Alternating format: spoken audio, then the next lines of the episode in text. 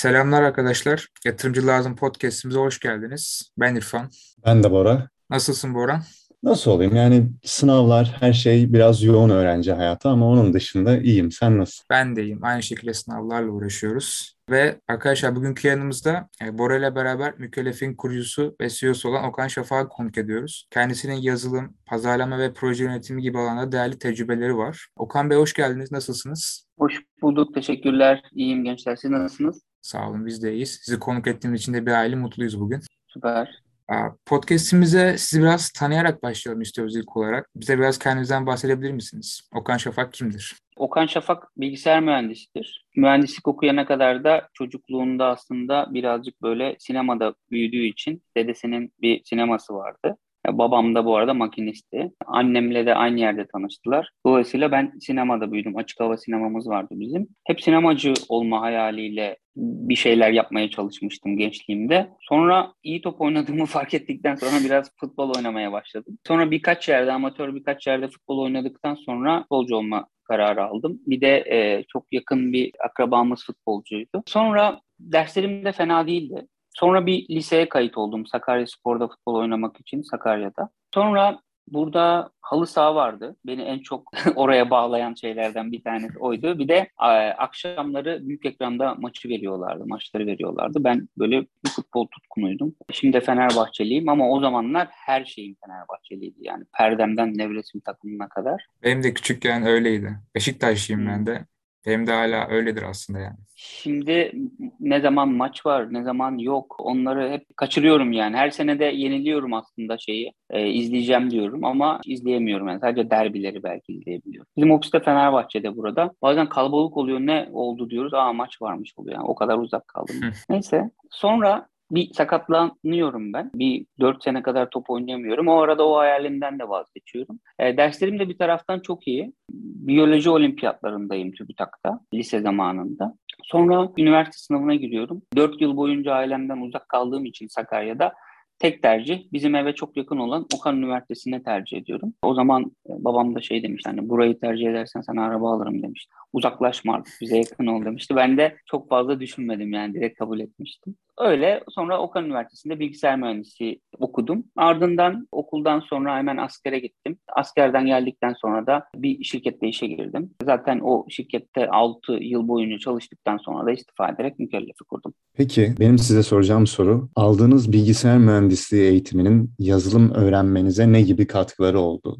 Şimdi okulda maalesef ki e, çok fazla bir bilgi öğrendiğimi söyleyemem. Çünkü çok basit şeylerden bahsettiler. Hani ilk dersimizde belki bilgisayar mühendisi vardır aramızda. İşte baklava yap gel dediler. Biliyorsunuz kodlardan baklava yapmayı. Böyle çok basit basit şeylerden bahsettiler ama yani dört yılın sonunda ben çok sosyal bir öğrenci de değildim bu arada. Yani kulüplere e, katılmam. Sizler mesela çok değerli işler yapıyorsunuz. Sürekli bana öğrenciler yazıyor. Yine hafta sonu bir yere çağırdılar. Yine hani hafta sonlarım da doldu. Bu kadar sizin kadar böyle işin içinde değildim aslında. Üniversiteden kaynaklı da olabilir. Benim kendi karakterimle alakalı da olabilir. Ama Hani şimdi dönüp baktığımda daha fazla sizin yaptığınız gibi işleri yaparmışım diyorum. Neyse soruya döneyim. Bilgisayar mühendisliği okuduk okuduk ama dediğim gibi yani bazı hocaları çok seviyorsak eğer o hocaların dersine özel olarak bir şeyler yapmaya çalıştık. Birazcık ben yani bilgisayarı seviyorum diye bilgisayar mühendisliği seçmiştim. Çok da doğru yönlendirildiğimi de düşünmüyorum o zamanlar. E şimdi artık hani aileler de etraftaki insanlar da insanlar biraz daha bilinçlendi. Hani o zaman bilgisayar mühendisliği çok popülerdi. Dolayısıyla bizim de Hani ilk tercih ettiğimiz oydu. Zaten benim ilk tercihim çıkmıştı. Şimdi yazılım tarafında da ben oradan çıktıktan sonra çok hakim değildim aslında yazılım süreçlerine. Sonra bir firmaya girdim. O zamanlarda da FIT'di. Sonradan Foriba oldu. Şimdilerde Sovos'a satıldı. Amerikalılara satıldı firma. O firmada e, yazılımcı olarak başladım ama benim işte bu az önce bahsettiğim sinemacılık hayalimle de iş yerinde gezerken hani yazılım yaptıktan sonra alıyordum eline kamerayı geziyorum. Sürekli insanların videolarını çekiyorum. Ve bir yerden sonra benim günüm kodlama yapmaktan çok oraya geçti. SAP ABAP dili çok basit bir dildir. Tabii okulda işte C++ gördük, C Sharp gördük, Java gördük. Çok 2012 yılında mezun olmuştum ben. Bizim okulda da aynı şekilde öğrenciler eğitim görüyor. Java görüyorlar, işte C++ görüyorlar. Hala aynı. Ama hani sanırım iş dünyasında pek bunlar kullanılmıyor mu? Evet. Ya şöyle bizim yazılımımız ben e, kendim yazmadım outsource etmiştim. Zaten birazcık oraya gelecektim. Yani yazılımcılık benim kariyerimde 3 ay sürdü diyebilirim. İşte ABAP yazıyordum biraz. İşte hesap makinesi yazdık zaten. Şirkete girdim ya. Benden beklenti zaten şey değildi yani hani İnsanlar korkmasın. Ya işte öğrenemiyorum ne yapacağım. İlla bir yerde öğreniyorsunuz. Benden beklenti hadi hemen kodları yapsın değildi. Zaten yeni mezun olandan çok büyük bir beklenti olmuyor. Birazcık ABAP kodladım. Sonra biz elektronik fatura işleri yapıyorduk. Ürünün içinde birkaç bir yere girip yere işte comment attım. Küçük alan kodladım. Birkaç fonksiyon kodladım. Böyle basit basit şeyler yaptım ama öğrenme sürecinde de Mesela yemek programı yazdım. İşte bugün öğlen ne yemek çıkacaksa insanlar onu girip görebiliyordu. Ya da halı saha maçları yapıyorduk biz her hafta. Orada insanlar gidip arkadaşlar birbirini oyluyordu. Tam maçtan bir saat önce kadrolar açıklanıyordu o sistemde oylara göre ve Şampiyonlar Ligi müziği çalıyordu. Hani böyle şeyler yaptım. Birazcık daha yani oynadım aslında 3 ay. Sonra test ekibine geçtim. Çünkü Deli Dersi Başkanlığı bir projeleri canlıya almamızı bekliyordu. 300'e yakında proje vardı. 13-15 kişilik bir ekip vardı. Bana böyle test senaryolarını verdiler. Onları da yine okulda bilgisayar mühendisliği zamanında hani test alanında da birkaç tane böyle çalışma yapmıştım. İlla ki onun da birazcık katkısı vardır. O da şöyle işte çok büyük değerler deniyorsun mesela. Bir milyon tane fatura gönder bakalım ne olacak. Hata koy faturaya bakalım patlayacak mı patladığında doğru hatayı verecek mi gibi birkaç tane alanda değişiklik yapıp test süreçlerinde yer aldım. Sonra destek ekibine geçtim ve tamamen destek ekibinde de şöyle oluyor. E, insanlar ürünü sattıktan sonra bakım anlaşmaları yapıyorlar ve bu bakım anlaşmaları sonrasında sizden destek bekliyorlar. Bu talepler size geldiğinde ya benim faturamda bu alanda bu kolon yerine bu kolon olsun. Kolonun adı değişsin. Bu kolonda bu değer gelmesin de bu değeri gitsin. Şuradan alırsın buraya koysun gibi şeyler geldi. Tabii ki teknik bilgim olduğu için yine okuldan aldığım bilgiyle API'nin ne demek olduğunu biliyordum. Dolayısıyla mailde yazan arkadaşım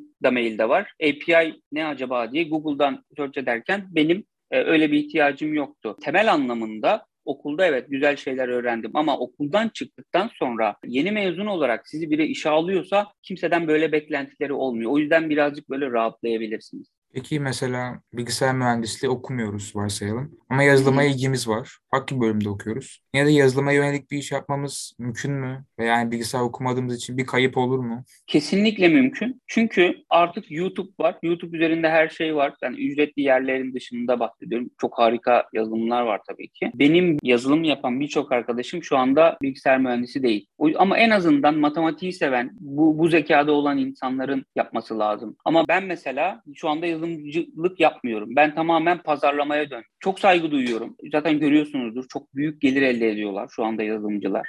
Benim de çalışanlarımdan, ekip arkadaşlarımdan daha doğrusu e, en çok maaş verdiğim arkadaşlar yine yazılımcılar. O yüzden çok değerli bir sektör. Ama ben kendi karakterim sebebiyle biraz daha pazarlamaya kendimi uygun gördüm. Biliyorsunuz mükellefi kurduk, pazarlamada, satışta böyle harika işler başardık. Yazılımda kalsaydım buralara gelmeyecektim. Belki siz beni konuk bile almıyor olacaktınız. Ama yazılımda çok iyi olan insanlarda, o alanda zekaya sahip olan insanları da konuk alıyorsunuzdur muhtemelen veya alacaksınızdır. E, onlarda o özelliğini yani insanların biraz içinde olması gerekiyor. Hadi ben çok para varmış bu işte ben bu işi yapayım deyip yapılacak bir iş değil. Birazcık yetenek, zekada isteyen bir iş.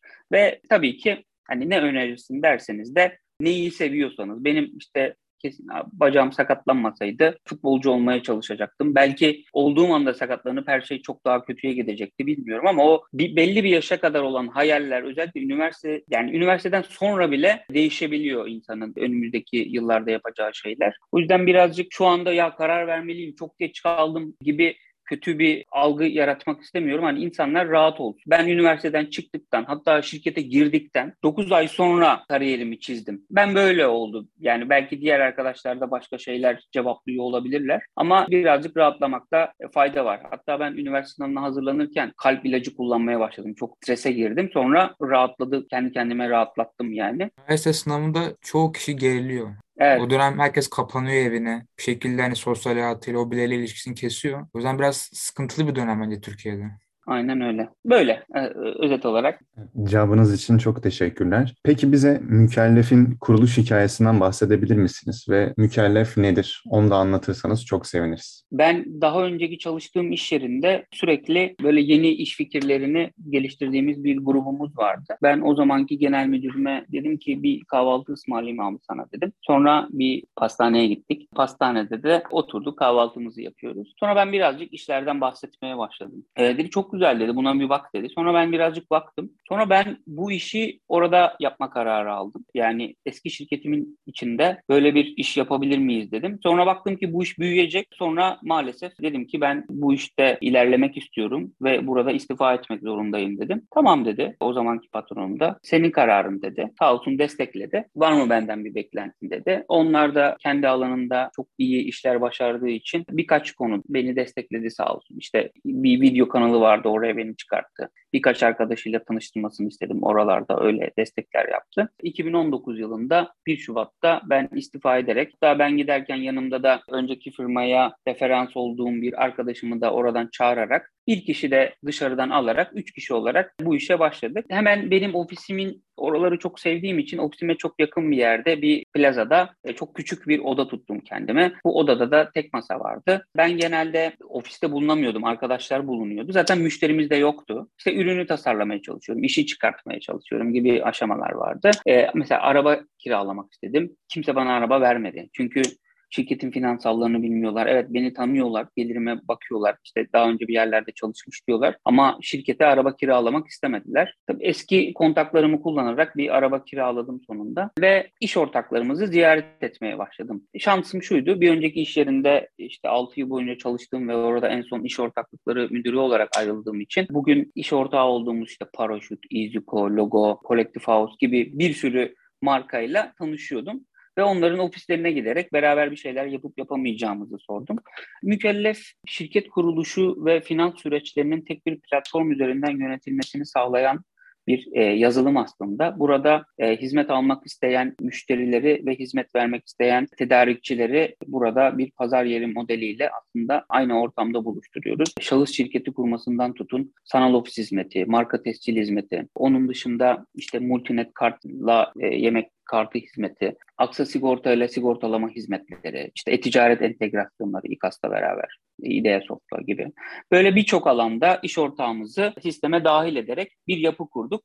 Tamamen hayalimiz bir girişimci, bir şirket kurmak istediği zaman, geçmek istediği adımlarda vakit kaybetmesin, para kaybetmesin. Hem kolay hem hızlı hem de çok güvenli bir şekilde bunu yapabilmesini sağlayan bir platform olmaktı hayalimiz. Ben ilk gün bu kahvaltıda da bundan bahsetmiştim. Tabii ki o zaman elim çok güçlü değildi. Çünkü bu kadar fazla müşterim yoktu. Bugün bir iş ortaklığı yapmak istediğimde, bugün insanlar bana geliyorken beraber bir şeyler yapalım diye ben herkese yazdım. İşte LinkedIn'den yazdım. İnsanlara telefon numaralarını aldım. İşte yarım saat kim olduğumu anlatmaya çalıştım. Toplantılarım iptal edildi. En kötü olan şeylerden biri birkaç yerde anlattım belki denk gelmiştir. E, ofise gidiyorum, satış yok arkadaşlara almışım, maaş vermem lazım. Tabii ki hani belli bir param vardı, biriktirmiştim. Onunla ver, vereceğim belliydi ama hani işte 3 ay daha, 4 ay daha satış yapamazsam e, veremeyecektim. Bir taraftan Google'da içerik üretmeye başladık. Sonra iş ortaklarımız bizi paylaşmaya başladı. Ama ben ilk zamanlarda ofise gittiğimde bir arkadaşım Kurtlar Vadisi. Bir arkadaşım işte Cüneyt Özdemir'i izliyordu. Bir şey de diyemiyorsun çünkü satış yok. Bir arkadaşım da blog yazısına bir şeyler yazmaya çalışıyordu. Paint'te bir şeyler yazmaya çalışıyordu. Ben bu arada girişimcilik aşamasına geçenlerindeki bir zor yaşadınız diye soracaktım ama siz çoğundan bahsettiniz zaten. İlk aşamada bilinirlik sanırım biraz sorun yaratıyor. Yeni bir şirket olduğunuz için. Kesin ve hani birazcık para da gerekiyor, fon bulmak gerekiyor. Hı hı. Zaten hani paranız yoksa birazcık geri adımla durmak lazım. Çünkü hı hı. her işte olduğu gibi bu, bu işte de maalesef birazcık para yakmak lazım. Tabii o zamanlar Google'a işte 100 lira, 200 lira bir yerlerden hediye çeki bulup vermeye çalışıyorduk. Amazon sağ olsun 3000 dolara kadar bize hediye çeki verdi. Yazılımımız için nedir ekstra para ödemedik Amazon'a gibi. Bayağı iyi olmuş. Tabii bir sürü şeyden faydalandık. İlk başlarken bunlar böyle can suyu oluyor. İşte COSGAP'in 5000 liralık genç girişimci desteği vardı. Onlardan faydalandık ee, gibi şeyleri sürekli takip ettim açıkçası. Aslında COSGAP gibi yerlere takip edip öğrenmek lazım değil mi? Yani sonuç olarak o da yardımcı oluyordur yani. Ya şöyle siz artık şanslısınız ki artık mükellef var. Çünkü e, bu buraların tamamında hiçbir şekilde sizin araştırma yapmaya ihtiyacınız kalmadan kaç yaşındasın? 29 yaş altındaysan tamam seni geç gelişmiş desteğinden faydalanalım. Hı hı. Ne iş yapacaksın? Yazılımcı. Okey tamam hadi gel KOSGE 1000 bin lirasından faydalanalım. Bir yere kadar geldin hadi şimdi sana daha büyük destekler alalım. İhracat yapacaksın. Hadi bir buçuk milyon dolara kadar senin teşviklerinde ana yardımcı olalım gibi bütün aşamalarda mükellef artık var. Çünkü biz o aşamalardan geçtiğimiz için çok iyi biliyoruz ve insanlar buralardan geçerken daha rahat olsunlar. Arkalarına güvenle yaslansınlar diye böyle bir hizmeti sürekli upgrade ediyoruz. Peki sizin için mükemmel işin tanımı nedir? Mükellefi kurarken neler istediniz? Neler olması gerekiyordu aklınızda? Mükellefte istediğiniz o mükemmel iş ortamını kurabildiniz mi? Aslında hayal ettiğin işlerin dışında bir iş olsa bile çocukluktaki hayallerden bahsediyorum. Bugün şu anda evet hayal ettiğim bir işte çalışıyorum diyebilirim. Ben hep aslında yine çocukluk ve sonrası olarak ayırmak lazım. Çünkü ya da üniversite gençliğimde de hep şey isterdim. İşte takım elbisemi giyeyim, işte uçağıma bineyim, e, gideyim, işte toplantılarımı yapayım, sonra geleyim, işte laptopumu açayım falan. Hani bir odam olsun, e, bir plaza katında olsun gibi şeylerim vardı. Ama şimdi birazcık o değişti. Daha fazla insanlarla beraber bir şeyler yapmaya çalışıyorum. Dolayısıyla benim bir odam yok. Bir hep beraber arkadaşlarımızla olduğumuz bir masada çalışıyorum. Evet odaya ihtiyacın oluyor bazı durumlarda. Özel işte muhasebeyle alakalı konularda konuşmak istedim. Ama böyle bizim bir manager ekibimiz var. Ama biz hep böyle 6 kişi o masada sürekli fikir alışverişinde bulunduğumuz. Çünkü inanın hani işe aldığınız insanların bazı konularda sizden daha iyi olması gerekiyor. Ve sürekli birbirinize tabii ki bazı durumlarda yine kararı sizin vermeniz gerekiyor ama herkes böyle bir fikir atıyor. Ve bu fikirleri değerlendirdiğiniz harika bir çalışma ortamımız var. Dolayısıyla sorduğunuz sorunun cevabı evet bu ortamı kurabildik. İşte bu plazada çalışacağı ama şu anda sonra birkaç yerde gördükten sonra bir villa gibi bir yerde çalışmak istemiştim. Böyle yeşillikler içerisinde havuzu olsun istemiştim mümkünse. Buradan da Melih'e selam olsun. Farmazon Melik Arslan. Çok harika bir ofisleri var. Biz de Fenerbahçe'de havuzlu bir ofis bulamadık ama bahçeli bir ofis bulduk. Güzel bir ofis kurduk buraya. Burada kendi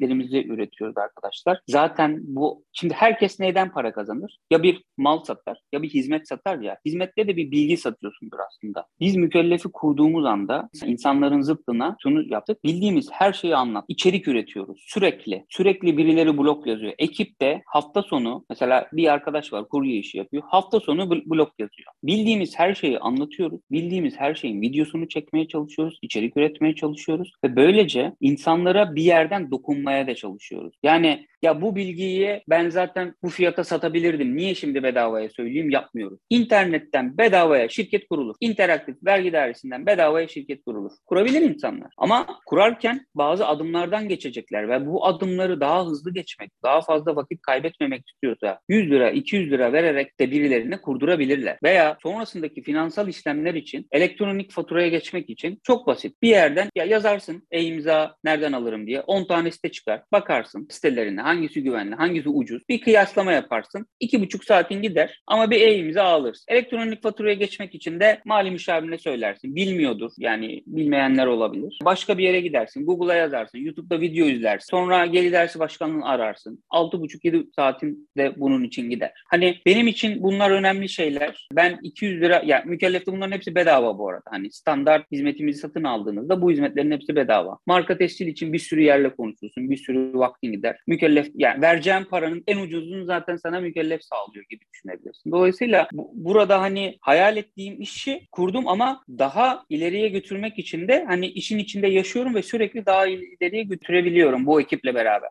Aslında insanlara yolu gösteriyorsunuz ama bu onlar için yeterli olmuyor. Aynı zamanda yolu yürümelerine de yardımcı oluyorsunuz. Ben böyle anladım. Aynen öyle. Güzel bir şekilde özetlemiş oldun İrfan. Ve burada mesela bir kişi bir konu hakkında 5 dakika beklemiş. Aa diyoruz hani bunu hiç bekletmediğimiz bir senaryoda yapabilir miyiz? Ya da bir şey için bizi aramak zorunda kaldı. Telefonda bir buçuk dakika beklemiş. 9 dakikada bize problemini anlatmış. Kaç kişi böyle yaşamış? Şu kadar kişi. O zaman hadi bu konuya hepsine beraber açıklık getirelim gibi bir şey var. Şimdi müşterilerin bize kayıt olma aşamalarında yaptığı birkaç aksiyon var. Bunu şu anda ekipte sadece benden başka bir kişi biliyor. Ne yapıyorlar? Chatten bize yazıyorlar. Telefonla bizi arayabiliyorlar. Bizimle toplantı ayarlayabiliyorlar. E, blog yazımızı okuyorlar. Web sitemizde kaç defa görüyor. Bunların hepsini şimdi skorlamaya başlıyoruz. Ve müşteri olma yani para ödeme aşamasını tamamlamamış insanlara bu aşamada skorlayacağız. Diyeceğiz ki bizden bir toplantı almışsa 5 point, 3 kere isteğe girmişse 1 point, chatten 2 kere yazmışsa 6 point toplayacağız. O bir skora gelecek. O skordaki insanlar bize müşteri olmaya çok yakın diyeceğiz ve aramalarımızı o, o sırayla yapacağız. Çünkü baktığında 40 bin kişi var bize kayıt olmuş ama 10 küsür bin kişi kaydını tamamlamış. 30 bin kişiyi aramaktansa sürekli onları izlediğimiz tool'lar işte Google üzerinde HubSpot gibi yazılımlar kullanıyoruz. O süreci iyileştiriyorsunuz, optimize ediyorsunuz. Çok mantıklı. Aynen öyle. Yani böyle yaparak zaten bize müşterilerin kayıt olma süresini kısa kısalttık. Daha hızlı sürelerde bize kayıt oluyorlar artık. Girişimler kuruluş dönemlerinde genelde ne gibi sorunlar yaşıyorlar?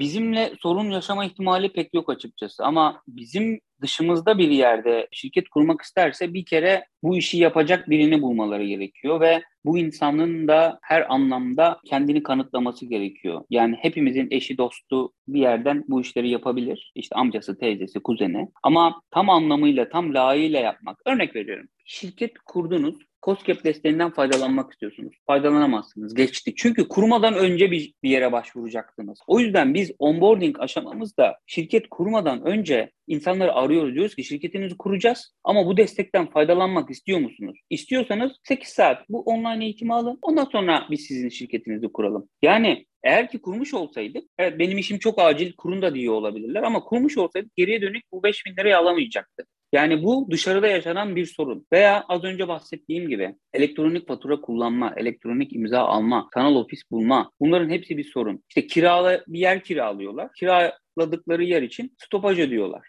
Mesela ne kadar? Şu anda mesela e, İrfan sen kirada mı oturuyorsun ya da ev kendinin mi? Biz kendimizin evinde oturuyoruz. Bora belki cevaplayabilir.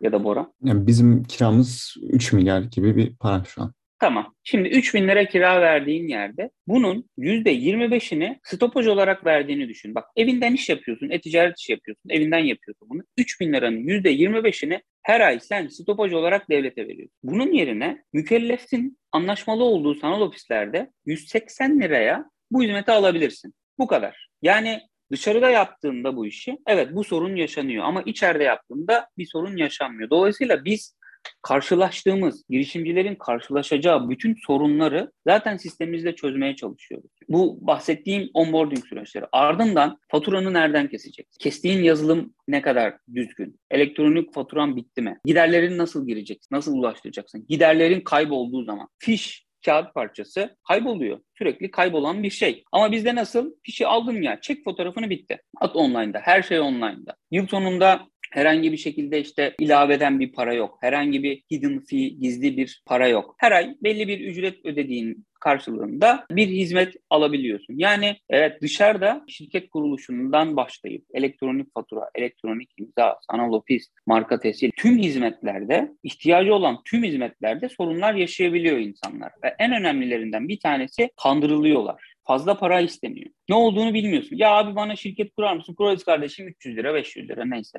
Özellikle globalde Suriyeliler ve yurt dışından insanlar şirket kurmak istediği zaman 5 bin liranın altına şirket kurmuyorlar. Bedava olan bir şeyden bahsediyorum. İnteraktif vergi dairesinde bedava bu. Yani aldatılma işi evet en büyük sorun bu. Mesela elektronik fatura nedir? Bilgin yok. Abi Google'da bedava. Ya o bedava değil ya. O aslında bu böyle olacak. Hani böyle birazcık maalesef şey durum var ama her şeyin şeffaf olduğu e, uygulamalarla e, bunları minimize edebilirsiniz yani. Aslında bu tip olaylar insanların bence motivasyonlarını da düşünüyor. Yani mesela benim güzel bir fikrim var diyelim. Bir girişim kurmak istiyorum. Şirketleşmek istiyorum ama bu tip ayrıntılar mesela insanın moralini de bozabilir. Dediğiniz gibi zaman ve para kaybına sebep olabilir. Yani ben mesela bir haberde okumuştum. Yani bazı Türk girişimleri Estonya veya Amerika'da kuruluyormuş. Bilmiyorum mesela bu durumla alakalı ne söylemek istersiniz? Oranın koşulları daha mı uygun geliyor onlara? Yurt dışında şirket kurmak mı? Aynen mesela Estonya'da kurulan girişimlerin olduğunu okumuştum. Türk girişimleri. Tabii ki, tabii ki. Şimdi Amerika, İngiltere ve Estonya Türklerin en fazla tercih ettiği üç ülke. Dolayısıyla biz de bu ülkeleri açtık. Orada bazı vergi avantajları var. Mesela en büyük avantajlardan bir tanesi Türkiye'de Bitcoin'le gelir elde edemiyorsunuz. Bu yasaklandı. Ama yaptığınız işte bir pazarlama faaliyeti olarak bile düşünsenize ne bileyim Şu kutuları satıyorsunuz. Bitcoin ile ödeme alabiliyorum. Bu bir pazarlama efektidir baktığınız zaman ama Türkiye'de bunu yapamıyorsunuz. Dolayısıyla burada bir şirketiniz olduğunda sadece bunun için bunu yapabilirsiniz. Veya ürün satmak istiyorsunuz buradan. Buradan sattığınızda ile orada sattığınız arasında fark var. Ve yatırımcılar yatırım almak istediğiniz bir işte genelde Estonya, Amerika ve İngiltere'ye bakıyorlar. Yani Türkiye'den bir şirketseniz adam çok fazla yatırım yapmak istemiyor. Türkiye'de de şirketin olsun ama Amerika'da da olsun. İki şirket birbirine bağlı olsun. Gelirinizi tamamen oradan bile elde etseniz buradan o şirkete fatura kesip ülkeye sokabilirsiniz. Yani Estonya'nın avantajı şu 40 bin euroya kadar gelirlerinizden vergi ödemiyorsunuz ve kar payı dağıtmıyorsanız eğer hiçbir şekilde vergi ödemiyorsunuz. Ama işte İngiltere'de bir tık daha mantıklı. 80 bin pound'a kadar vergi yok. Dolayısıyla pound'un da euro karşısında olan arbitrajı farkında düşündüğünüz zaman İngiltere bir tık daha mantıklı olabiliyor. Ama Estonya da mantıklı, o da mantıklı. Amerika'da mesela gitmek istediğiniz pazar, en büyük pazar dünyada Amerika'da. Gitmek istediğiniz pazar Amerika'daysa, e, yaptığınız iş en çok orada popülerse tabii ki orada kurmak gerekiyor. Benim size sorum, ben şu an bir startup'ın kurucu ortağıyım. Biz bunu şirket olarak kurduk ve hani devlet dairesine girdiğimiz attığımız her adımda para ödedik. Bu İrfan'ın dediği gibi aslında bizim de moralimizi bozdu ve şimdi ben keşke sizi daha önce duysaydım. Bu sefer bir şirket kuracakken gerçekten sizinle birlikte çalışmak isterdim. Sizin yardımınızı almak isterdim.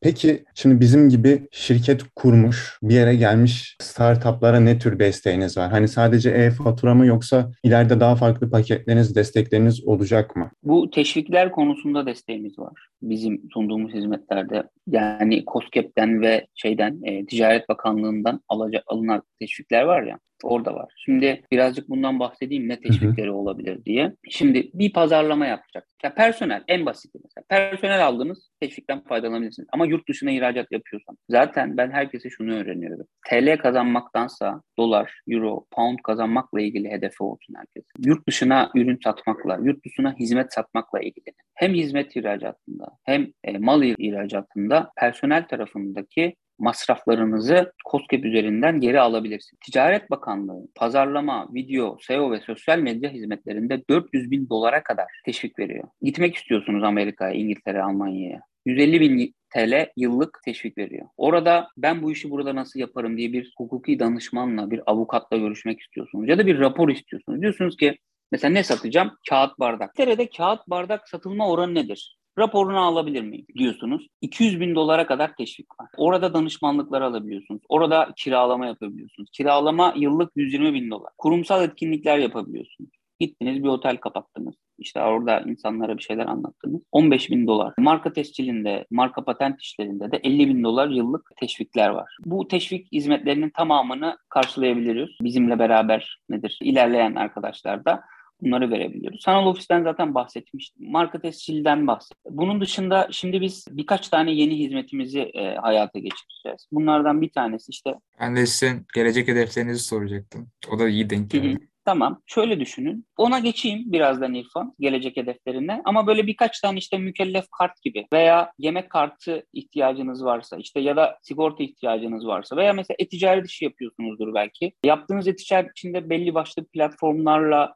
ilerliyorsunuzdur. Orada indirimler, orada kimsede olmayan harika özelliklerin açık olduğu, entegrasyonların olduğu ürünlerimiz var. Zaten ön muhasebe, işte e-fatura, e-imza gibi işte şirket kuruluşu gibi ana hizmetlerimiz de var. Onları da biliyorsunuz. Şimdi diğer soruna gelecek olursam İrfan, Düşünün elinizde artık bir data var. Eskiden neydi? Hiç kimse yoktu elinizde. İnsanlara gidip ben böyle bir iş yapacağım. Bir hayal satıyordunuz. Satabilmişiz ki buraya kadar gelmişiz diyeyim. Ben çok mütevazı olmaya çalışıyorum ama arkadaşlar beni sürekli itiyor. Hani bu kadar büyük bir başarı. 3 yıl içinde 20 milyon dolar değere gelmiş bir şirketten bahsediyoruz. O yüzden etrafta da çok fazla örneği olmadığı için bunu böyle anlatmak istiyorum. Birazcık da sizi ve diğer arkadaşları motive etmek için. Tabii biz de çok merak ediyoruz bu arada. Hani ben sizin hakkınızda birkaç haber okudum olduğuna bayağı şaşırmıştım. Çünkü biz hani biraz şey olayıyla bakıyoruz. Hangi ürünü satıyor? Hı-hı. Ürünün özelliklerini Hı-hı. ama siz hizmet satıyorsunuz. Evet. Ve hani çok da eşi benzeri olmayan bir hizmet aslında. Ve hizmeti biz vermiyoruz. Hep aynı örneği verirler ya Uber'in arabası yok, Airbnb'in evi yok. Aynen.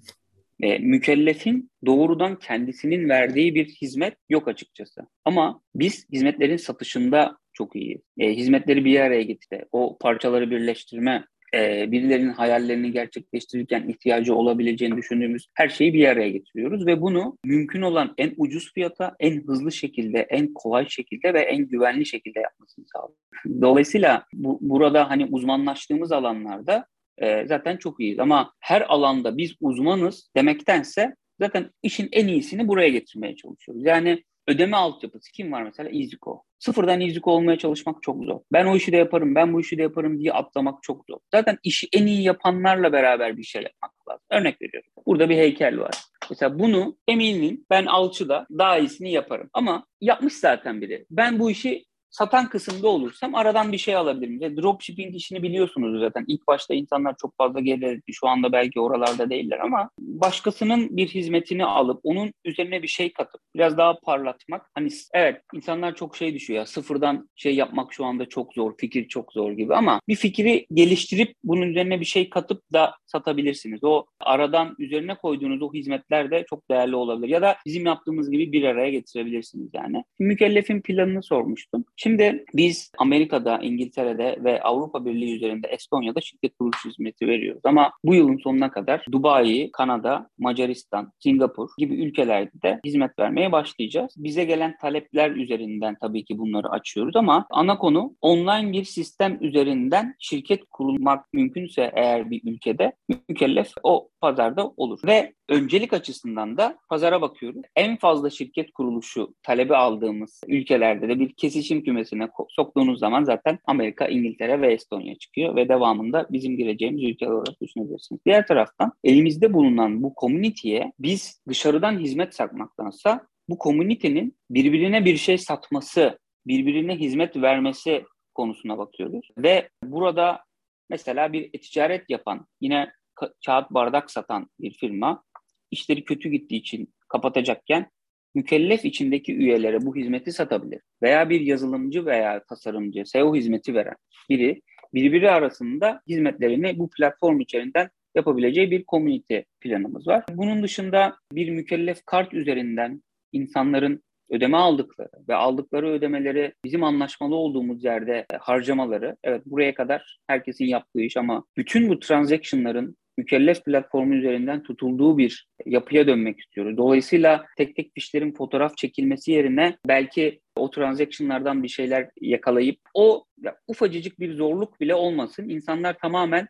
kolay bir şekilde, otomatik bir şekilde bu işleri yapsın istiyoruz. Dolayısıyla ürünü sürekli geliştirmeye devam ediyoruz girişimciliği bir cümleyle açıklamak isteseniz, anlatmak isteseniz ne dersiniz? Daha iyisini yapalım. Tek kelimeyle anlatmaya çalışalım ve delilik diyelim. Gerçekten şöyle düşünün. Ben eski şirketimde iş ortakları müdürüydüm. Çok güzel bir arabam, çok güzel bir şirketin verdiği cep telefonu vardı. Bir ekibim vardı. Keyfim yerindeydi. 10 bin tane müşteri elde ediyordum. Çok harika iş ortaklarıyla harika yerlerde yemekler yiyordum. Hiç uğraşmıyordum. Ama şimdi şu anda yapabiliyorum ama başladığım zaman da diyeyim bunların hiçbirini yapamıyorsun. Araba kiralayamıyorsun. Arabam yok. Yani ve müşteriye gitmen lazım. Bazı şeylerde müşterilere giderken evet yani bu herkesin bildiği şeylerdir. Benden duymak farklı gelmeyecektir muhtemelen ama cep telefonunun markası, cüzdanının markası, giydiğin kıyafetinin, çantanın, arabanın markası önemlidir. Kurumsal olmasa da yani mükellef kurumsal bir şirket değil, her zaman girişimci bir şirket ama bazı durumlarda kurumsal olduğumuz haller de var tabii ki. Ama kurumsal bir bakış açısı. Yani ben o gittiğim toplantılara parmak arası terlikle gidemezdim ama yazın ofise böyle geliyorum. Dolayısıyla iki yüzlü olmak zorundasınız. Yani müşterilerle konuşurken ya da bir sahneye böyle çıkamıyorsunuz her zaman. Türkiye buna hazır değil. Evet globalde bunu yapanlar var.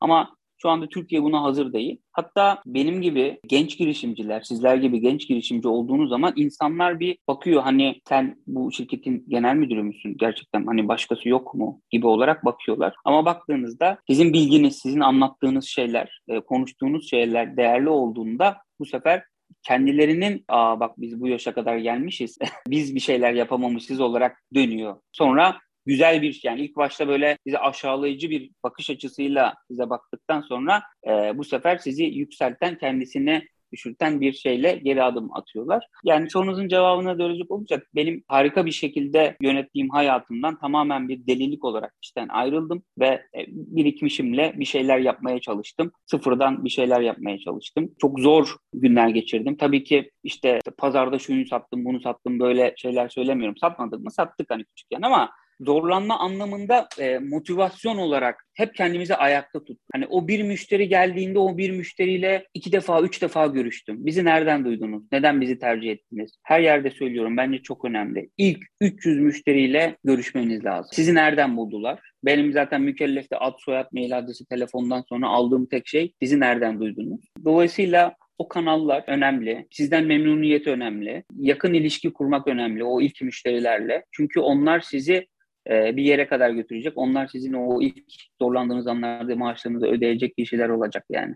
Ve dinleyicilerimize size ilham veren kitap, dizi, film veya kişilerden önerilerde bulunabilir misiniz? Kitap olarak Zengin Baba, Yoksul Baba diye bir kitap var. Robert Kiyosaki'nin. Onu mutlaka öneriyorum. Orada zekası ileri seviyede bir çocuğun iki farklı babasından duyduğu cevapları ve onların yönlendirmesini görüyoruz. Bu bende şöyle bir bakış açısı yarattı. Aktif varlıklar ve pasif varlıklar. Tabii çok az bir finans bilgisi gerektiriyor olabilir ama çocuk seviyesinde. Yani hani aktif varlık nedir? Google'a yazdığınızda zaten çıkacak biraz onlar açıklıyor. Elinizdeki parayı bir taşınmaza, bir eve vermektense o parayı bir şirkete yatırım yapabilirsiniz. Bu kendi girişiminiz de olabilir ya da büyümekte olan bir şirket de olabilir. Ya öyle olacağını hayal ettiğiniz bir şey de olabilir. Yani paradan para kazanmak gibi bir şey aslında. Yani hayaliniz bir ev satın almak olmamalı. Ev yaşamak için bir araç olmalı. Hayaliniz şu arabayı almak, şu yatı almak olmamalı. Evet parayla ilgili herkesin bir hayali vardır, olmalı da. E, ama bu ev satın alarak değil, bu paradan para kazanarak, bu parayı doğru yerlere yatırarak, doğru adımlar, yanlış şeyler de olabilir bu arada. Çünkü bir hep sepet oluşturmak lazım. Kitabın dışına çıktım şu anda. Ama paranızı belli başlı yerlere ayırmak lazım. Yoksa tek seferde her şey kaybolabilir. Ama bu kitabın bahsettiği şeyde de